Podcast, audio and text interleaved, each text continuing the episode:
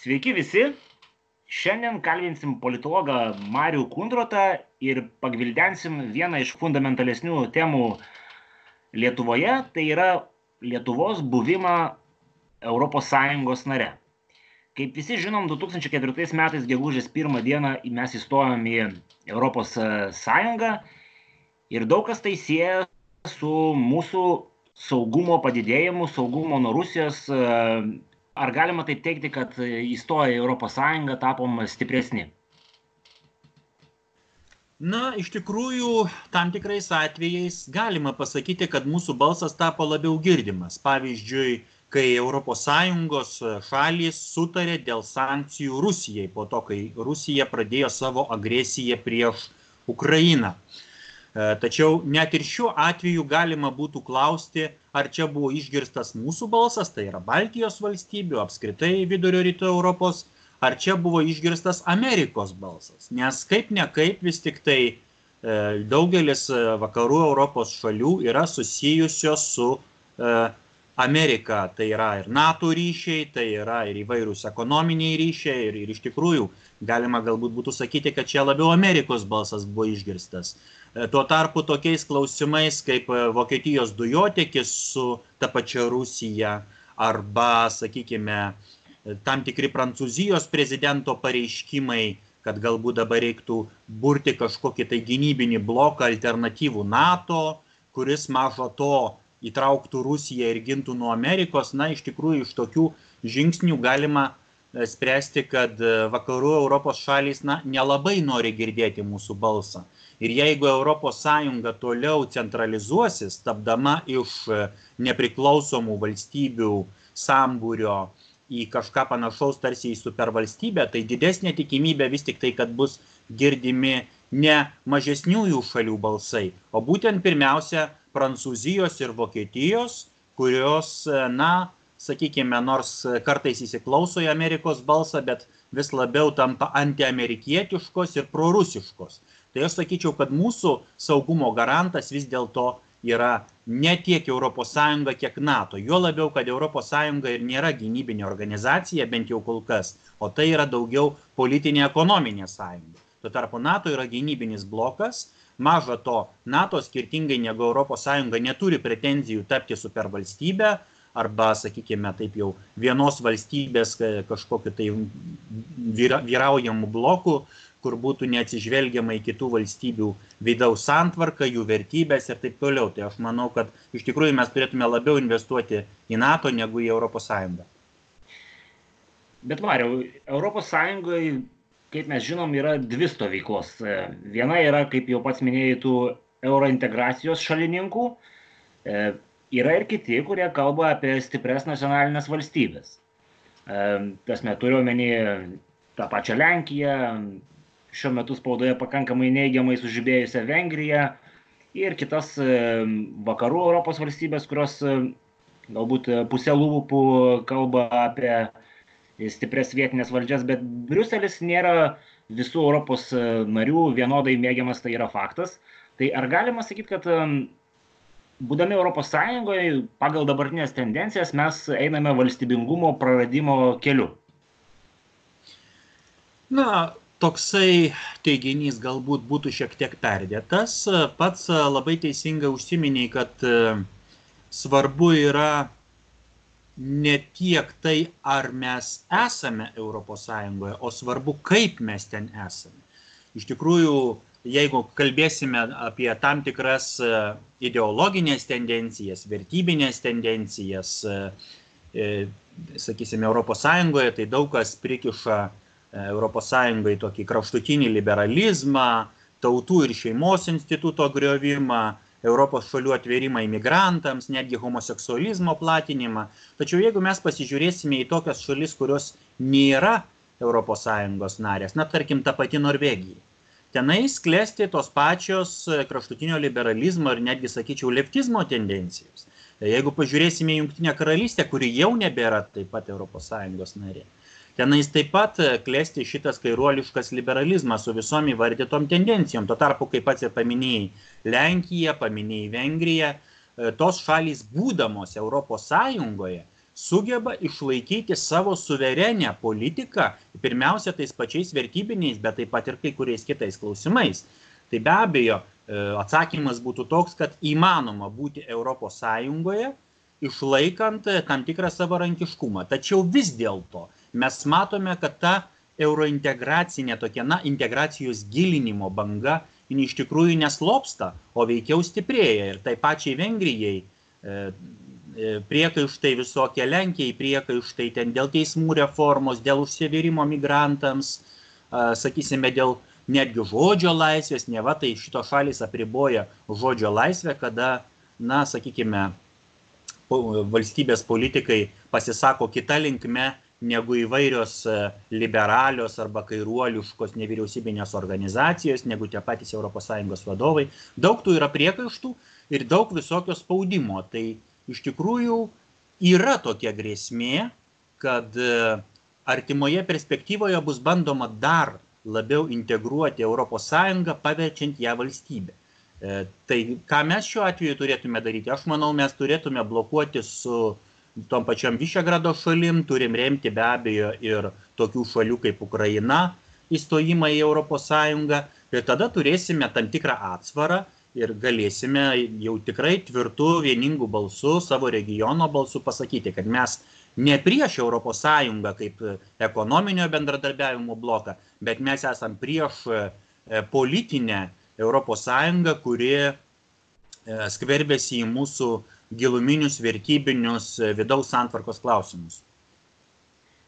Palėtėjai kraštutinį liberalizmą. Tai galbūt tada paklausiu tokio klausimo. Ar, ar kraštutinis liberalizmas, kaip jau pats minėjai, kuris vyrauja ne tik Sąjungoje, bet ir neesančiose arba jau nebesančiose Sąjungos valstybėse, ar, ar kraštutinis liberalizmas yra, yra Sąjungos produktas, ar tai yra kažkas, kas yra globaliai paplitę ir kas tiesiog šiuo metu yra dominuojanti, dominuojanti kažkokia kultūrinė ideologija ir ir ar tikrai mes galim tada jį sieti kaip iš Europos ateinančią kažkokią bangą, prie kurios bandoma pritaikyti visas bendrijos narės?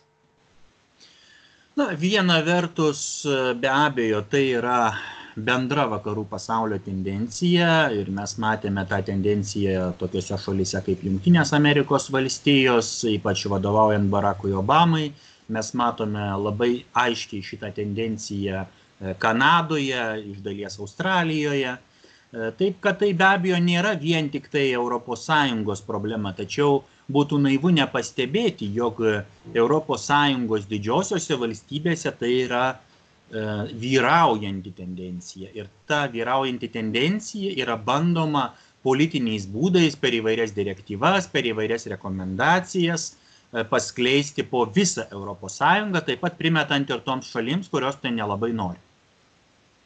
Supratau, tai vadinasi, vienareikšmiškai kraštutinio liberalizmo negalim sėti su ES ir, ir, ir, ir, turim pripažinti, kad stiprų nacionalistinį, galbūt vystimąsi tokį kaip Didžiojoje Britanijoje turinčios e, šalis, jos irgi yra pasidavusios tiem patiem e, mainstreaminiam procesam.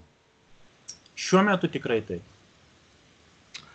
Tai gal tada pabandykim plačiau apibriežti tokią savoką, kurią, kuri, kuri iš tikrųjų sklando tarp, e, sakykime taip, dešiniosios pakraipos e, politinių jėgų. Tai yra, kad ES bando formuoti kažkokią Europos e, europiečio tapatybę. Ar egzistuoja kažkokia aiški europinė tapatybė?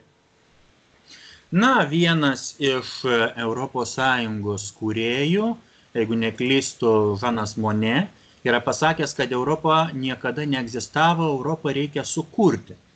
Tai iš tikrųjų, jeigu kalbėsime apie europiečio tapatybę, tai kyla klausimas, kokiu pagrindu ta tapatybė gali būti kuriama. Jeigu tai indoeuropiečių tautų šeima, tai tada klausimas, kur dėsime suomius, estus, vengrus. Jeigu tai yra krikščionybė, kur dėsime bosnius, didelę dalį albanų, jau nekalbant apie tokias tautinės mažumas kaip totoriai arba žydai. Jeigu tai humanizmas, na tada klausimas, kuo europiečio tapatybė skiriasi, pavyzdžiui, nuo šiaurės amerikiečio tapatybės. Ten irgi yra tos pačios, sakykime, humanistinės nuostatos, humanistinės vertybės. Pagaliau, jeigu tai baltoji rasė, na tai pripažinkime, pietų ispanai arba pietų italai, jie antropologiškai yra netgi artimesni turbūt Šiaurės Afrikos gyventojams negu kokiems nors skandinavams. Ir štai mes matome, kad europiečio tapatybė tarsi pakimba ore. Tačiau yra įdomių bandymų apibriežti europiečio tapatybę kitaip negu įprastinę nacionalinę tapatybę. Pavyzdžiui, yra filosofas e, e, Povilas Aleksandраvičius, kuris e, teigia, kad europiečio tapatybė jinai ir neturi būti panaši į nacionalinę tapatybę, sakykime, fizinės antropologijos ar kultūrinės antropologijos ar kalbos pobūdžio, sakykime, tapatybė, bet europiečio tapatybė, pasak jo, tai yra atvirumas. Atvirumas ir priimimas kito, kito subjekto, kitos, sakykime, idėjos, kitos kultūros galbūt ir panašiai. Tačiau vėlgi, tokiu atveju kyla klausimas, o kuo tada skiriasi E, europietis tiesiog nuo vakariečio. Mes matome, kad europiečio tapatybė, na, yra tokia, sakykime, labai, labai neapibriešta, nekonkreti. E, todėl e, iš tikrųjų kalbėti ir apie ES politinį veidą yra pakankamai sudėtinga, nes, sakykime, toks va darinys, tarsi nacionalinis ar supranacionalinis be aiškių tapatybinių jungčių, jis yra netvarus. Tai iš tikrųjų ne veltui e, yra ir siūlymų e, galbūt grįžti prie Europos bendrijos, kokie jį buvo iki Maastrichto ar bent jau iki Lisabonos e, sutarčių, prie daugiau tokio ekonominio bendradarbiavimo. Ir būtent tokios ES norėjo Junktinė karalystė. Tačiau, kadangi iš Paryžiaus ir Berlyno sklido kitokios nuostatos, centralistinės nuostatos, galų gale Junktiniai karalystėje tai nusibodo ir jinai išstojo. Nu, daug kas sako, kad Junktinės karalystės paskatos išstoti pagrindę buvo ekonominės. Na, be abejo, buvo ir ekonominių, bet ten buvo ir, ir dėl migracijos klausimų, ir šiek tiek daugiau, bet be abejo, na, e, Europ, Europos Sąjunga, jinai kūrėsi kaip ekonominė bendryje ir, ir ta, tai pačiai Junktiniai karalystiai buvo kaip ir priimtina tai, bet buvo nepriimtinas tasai centralizmas, kada Sąjunga ėmė transformuotis tarsi ir į valstybę, neturėdama e, aiškaus e, kultūrinio tapatumo. Iš tikrųjų, politinis tapatumas be kultūrinio tapatumo yra labai sudėtingas. Turi būti kažkokios jungtis, turi būti bendra kalba, plačiaja to žodžio prasme, kad žmonės galėtų susikalbėti, turi būti simboliai, turi būti didvyriai.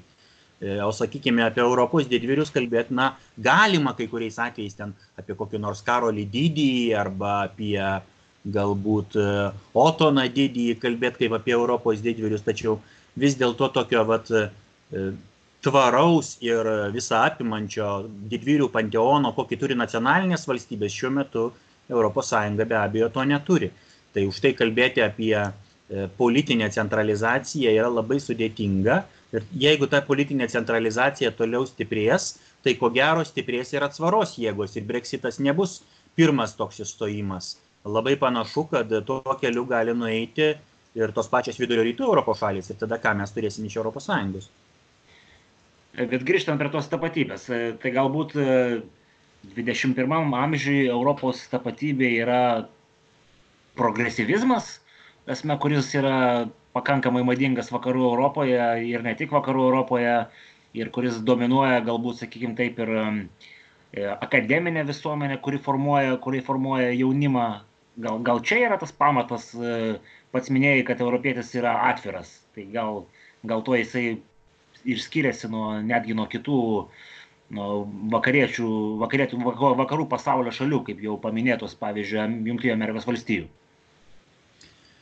Na, Junktinėse Amerikos valstijose mes dabar matome labai aiškius atsvaros procesus, tapus prezidentu Donaldu Trumpui. E, tačiau labai didelė dalis e, Junktinių Amerikos valstijų visuomenės vis dėlto vis dar yra e, toj tokioj, na, kaip pats įvardinai, progresyvistinėje, aš įvardinčiau galbūt kairuoliško liberalizmo tiekmėje, taip pat tenais yra ir Kanada. Ir jeigu kalbėsim apie tą progresyvizmą kaip apie europinę tapatybę, tai aš tada grįžtų prie to paties e, klausimo, iškia, ar nėra taip, kad koks nors prancūzas ir vokietis yra kultūriškai artimesni Kanadai arba, sakykime, tų pačių jungtinių valstijų didiesiems miestams negu Lenkijai arba Vengrijai. Tai iš tikrųjų, jeigu taip, tai tada tai nėra europinė tapatybė, tai yra atskirų šalių vyraujančios kultūrinės ir politinės tendencijos, bet ne bendra europinė tapatybė, tuo labiau, kad tapatybė jinai E, ne tik tai jungia, jinai taip pat ir skiria. Jeigu mes kalbame apie europietį, jis turi aiškiai skirtis nuo amerikiečio, nuo azijiečio, nuo, nuo, nuo kitų žmonių, e, sakykime, nuo kitų regionų. O, o apskritai, jeigu kalbėsime dabar apie tas e, vyraujančias tendencijas vakarų Europoje, tai mes matome, kad masiškai imigruoja žmonės iš trečiojo pasaulio, kurie visiškai nėra nusiteikę perimti šitų progresyvistinių vertybių. Jie ateina su savo kultūrom, ypatingai žmonės iš islamo šalių, jie neateina gyventi su savo kultūra šalia mūsų, jie ateina gyventi vietoj mūsų. Tai iš tikrųjų, žinant ypač dabartinės demografinės tendencijas, kad demografinį karą vakarų Europai vis tik tai laimi ne europiečiai, labai tikėtina, kad artimų laikotarpiu vakarų Europoje mes išvysim kažką panašaus į Europos kalifatą galbūt ne vieninga, galbūt tai bus e, kažkokios na, atskiros teritorijos valdomos tam tikrų lyderių, e, tuo labiau, kad iš skirtingų kultūrų žmonės ir, ir migruoja tenais į, į, į reiškia Europos šalis, e, į Vokietiją labiau migruoja turkai, į Prancūziją labiau migruoja arabai, tai iš tikrųjų tikėtina, kad kursi skirtingi dariniai, tačiau tai jau nebus ta Europa, kokią mes įpratę matyti. Tai tada akivaizdžiai kyla klausimas, e, kas yra Europos Sąjunga? Ar tai yra tautų Europa, ar tai yra kažkokia nauja supervalstybė, galbūt tai galima netgi vadinti imperija? Na, be abejo, kai kas norėtų tokią sukurti. E, Europos tautų sąskaitą. Tačiau aš manau, kad ES galėtų egzistuoti kaip tautinių valstybių Europa, kaip pirmiausia ekonominė, galbūt iš dalies kultūrinio bendradarbiavimo e, tokia, sakykime, erdvė. Ir manau, kad tokia ES vizija pritrauktų kur kas daugiau simpatijų mūsų vidurio rytų Europos regione. Bet ar nėra šiek tiek naivu, kalbant apie ES, jos pagrindų laikyti tautas?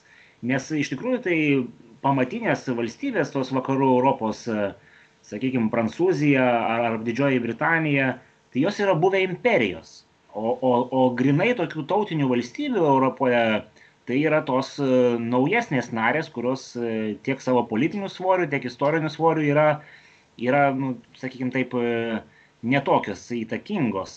Tai galbūt jau tas Europos precedentas kyla labiau iš, iš to imperijų bendravimo negu iš, iš tautų. Ir, ir dėl to ta kažkokia ateitis yra panašesnė ne į tautų Europą, o į kažkokią naują supergalybę, kurią, kaip jau pats minėjai, bando, bando konstruoti kai kurios valstybės.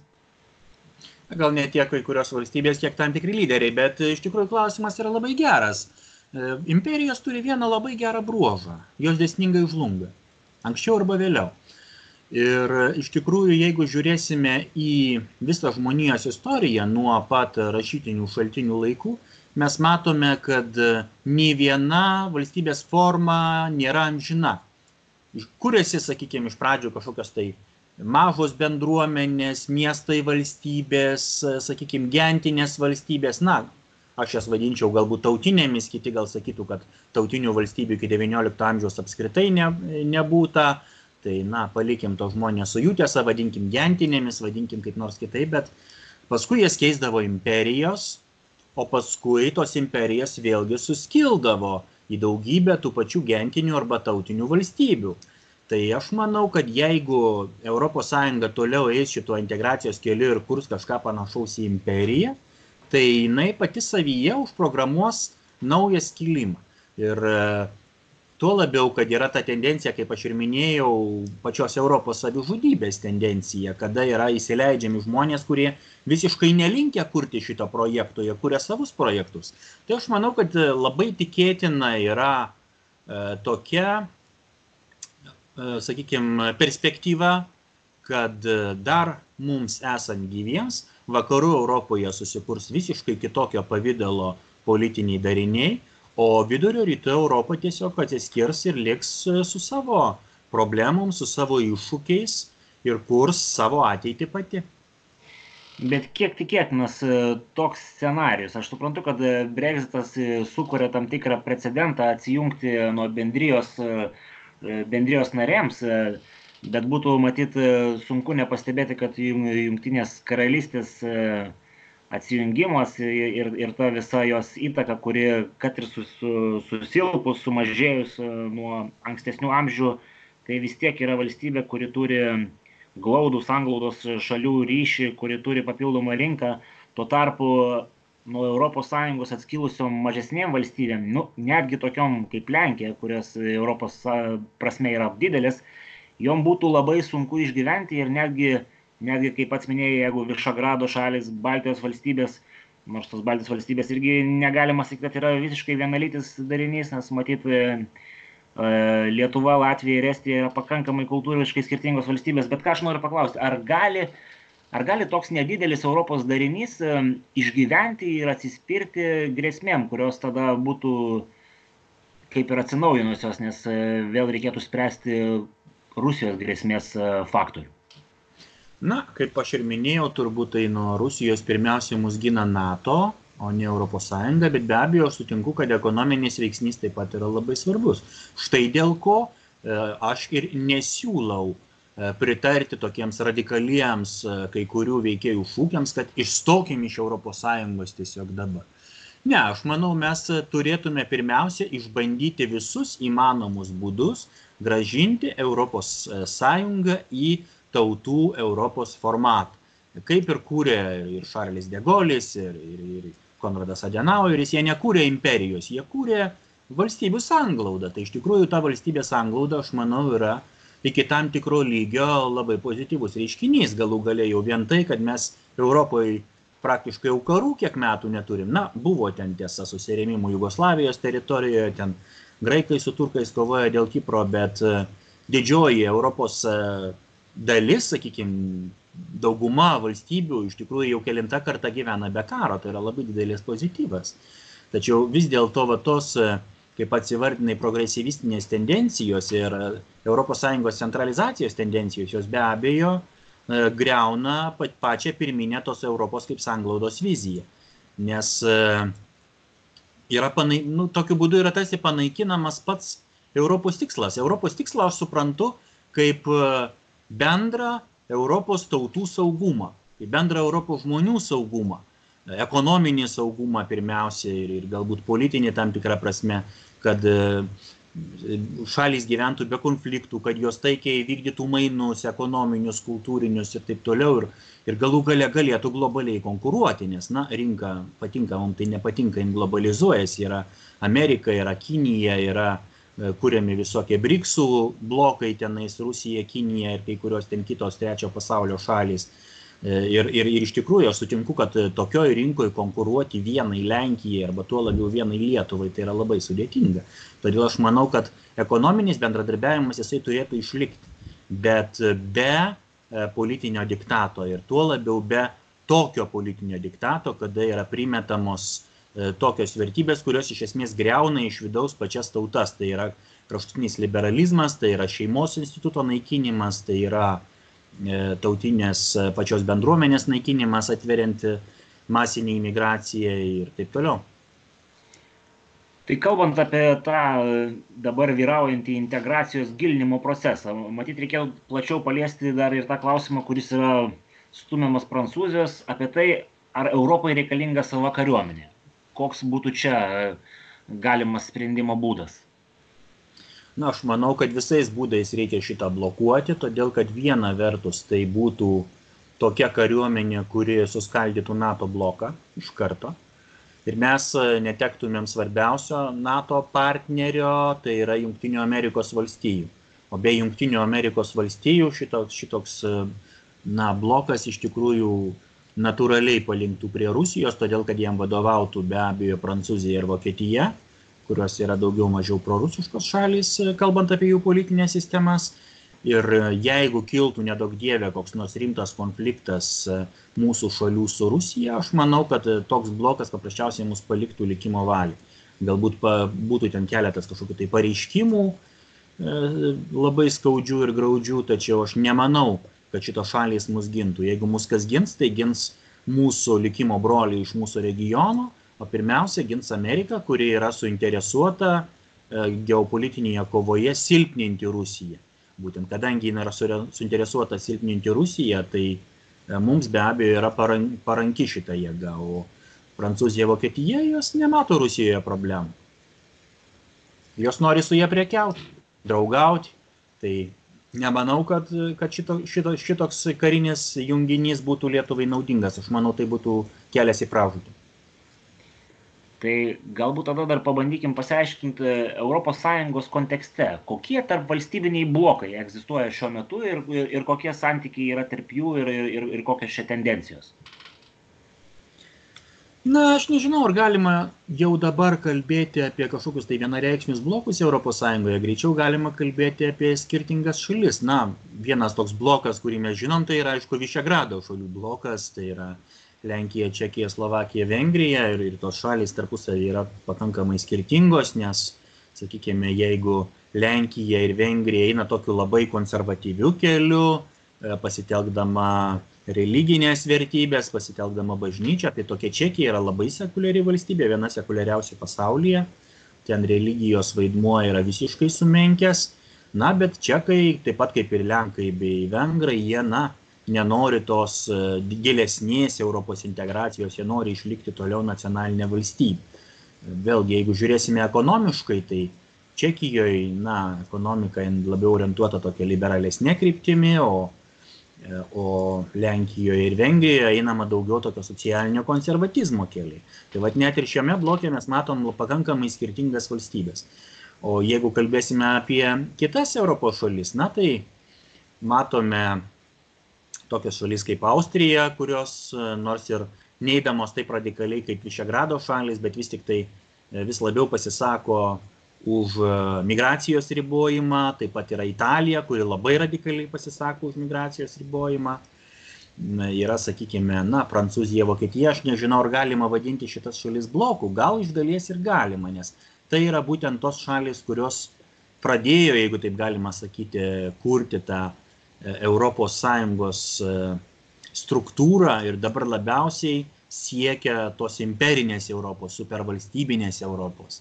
Į kitą vertus, ten taip pat yra ko gero stipriausios ir tos kairuoliško liberalizmo tendencijos, kurias šitos šalys bando primesti kitoms šalims. Na ir pagaliau, tai yra vėlgi ta pati, na, aš nežinau, ar galima sakyti bičiulystė, bet tokie labai pragmatiški santykiai su Rusija ir nesimpatija Junktinėms Amerikos valstijoms. Tai vad Prancūzija su Vokietija galbūt irgi iš dalies galima vadinti bloku.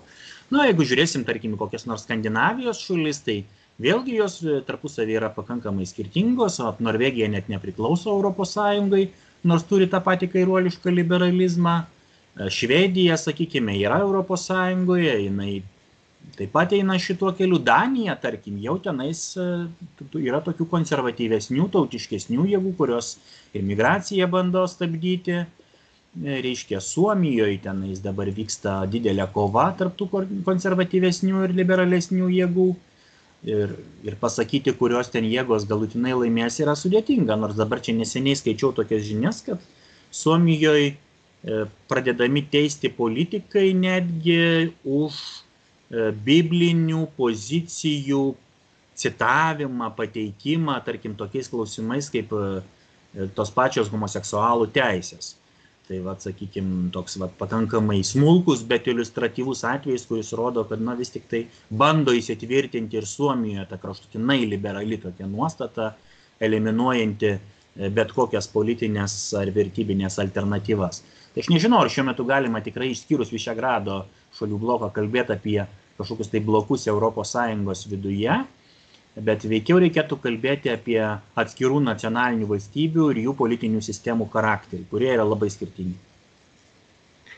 Tai gal tada pabandom e, paprognozuoti, kokia ES perspektyva ir kokia ateitis laukia per ateinančius 20 metų? Na, kaip aš ir sakiau, yra labai didelė tikimybė, kad vakarų Europos valstybėse susikurs nauji politiniai junginiai, kurie bus vadovaujami jau nebe europiečių, o vidurio rytų Europa matyt liks, taip sakant, jau savo ruoštų kaip, kaip atskira erdvė. Ir, ir, ir, ir, ir kils, aišku, vėlgi tas klausimas, ar, ar ta Europa bus integruota, ar suskils į daugybę viena nuo kitos nepriklausomų nacionalinių valstybių ir tada, aišku, kils taip pat ir Rusijos klausimas vėlgi, ar Rusija nesugalvos čia e, plėsti savo įtakos, jeigu sugalvos, kaip mes tai stabdysim ir taip toliau. Na, aišku, lieka viltis, kad išliks NATO struktūra. E, tai jeigu išliks NATO, aišku, vidurio rytų Europos regionas bus saugesnis negu be NATO, tačiau Tačiau, aišku, tas ekonominis faktorius, e, kurį pats minėjai, jisai išlieka. Ar, ar sugebės šitas vat, vidurio rytų Europos regionas dalyvauti globalioje ekonominėje konkurencijoje?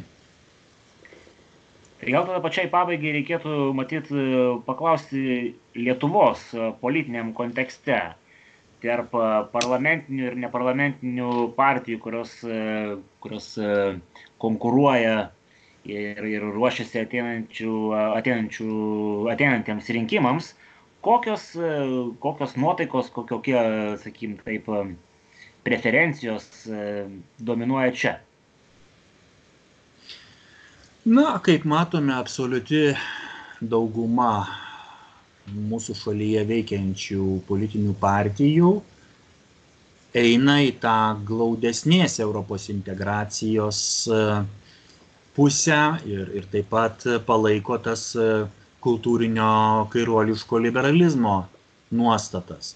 Tačiau galima sakyti, kad kai kurios jėgos yra radikalesnės šio požiūriu, kai kurios nusaikesnės. Tai be abejo, e, valstiečių ir žaliųjų sąjunga jinai būtų tokia nusaikesnė, konservatyvesnė, santūresnė galbūt kažkiek. E, Tevinė sąjunga, liberalų partijos ir socialdemokratai, aišku, būtų jau to, tokie jau labai kraštutiniai liberalai šituo metu, nors vėlgi, jeigu imsime Europ, šitą Europos, norėjau sakyti, sąjungą, jeigu imsim tėvynę sąjungą, tai mes matysim, kad ten yra mažiausiai du skirtingi klodai. Yra viršūnėlė, partijos elitas, kuris yra kraštutinai liberalus, bet yra didžiulė partijos masė, kuri nėra liberali, tai yra pakankamai konservatyvų žmonės, ypač tarp vyresnio amžiaus žmonių, sakysim, įvairių ten politinių kalinių, kitų e, partinių grupių. Tai labai įdomu būtų stebėti apskritai, kaip toliau gravituos, į kokią pusę gravituos ta pati Tevinė sąjunga ir, tuo metu, kaip, na, neliks, sakykime, profesoriaus Landsbergio, kai galbūt neliks jo ištikimųjų rinkėjų, ar ta partija atvirai nepasivadins tiesiog liberalų dar vieną partiją ir galbūt netgi suvienys, e, sakykime, tuos e, išsiskalaidžiusius liberalus, nes kaip nekaip šiuo metu šita partija turi daug daugiau potencialo negu įvairios tos atvirai pasivadinusios liberaliomis partijos. Jeigu kalbėsim apie socialdemokratus, na tai labai aiškiai matome, kad einama tos europinės socialdemokratijos keliu, atsikračius tokių galbūt konservatyvesnių elementų, kurie nuėjo į socialdemokratų darbo partiją. E, tai, sakykime, čia įeina ir atsiverimas migrantams ir atsiverimas seksualinėms mažumoms ir gilesnė ES integracija, e, sakykime, nacionalinio suvereniteto sąskaita, tai tas yra labai aiškiai matyti. Bet nu, galima minėti, aišku, ir smulkesnės politinės grupės, sakykime, tokias kaip Centro partija, tokias kaip e, susikūręs dabar nacionalinis susivienijimas, Lietuvų tautininkų respublikonų sąjunga, kurios, aišku, jau sudaro opoziciją tam ultraliberaliam spektrui, kuris yra dabartiniai mūsų politiniai sistemai. Tačiau ar tos jėgos turi labai didelį potencialą, nėra lengva pasakyti. Iš tikrųjų, jeigu žiūrėsime į visuomenės apklausas, tai, na, susidaro tokia paradoksali situacija.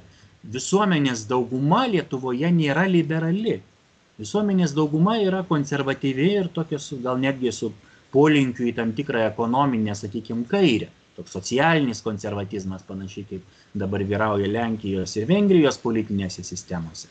Tačiau tie vat rinkėjai, kurie yra tokie vat konservatyvūs, jie arba iš vis neina į rinkimus, e, arba kitas variantas, jie nematydami perspektyvos mažosiose partijose balsuoja už didžiasias, na, dėl vienų ar kitų priežasčių. E, arba, na, trečias variantas, dalis tų rinkėjų tiesiog išsisklaido, kadangi tų alternatyvių partijų yra Lietuvoje netaip ir mažai. Čia dar galima minėti ir susikūrusią krikščionių sąjungą, ir jaunąją Lietuvą.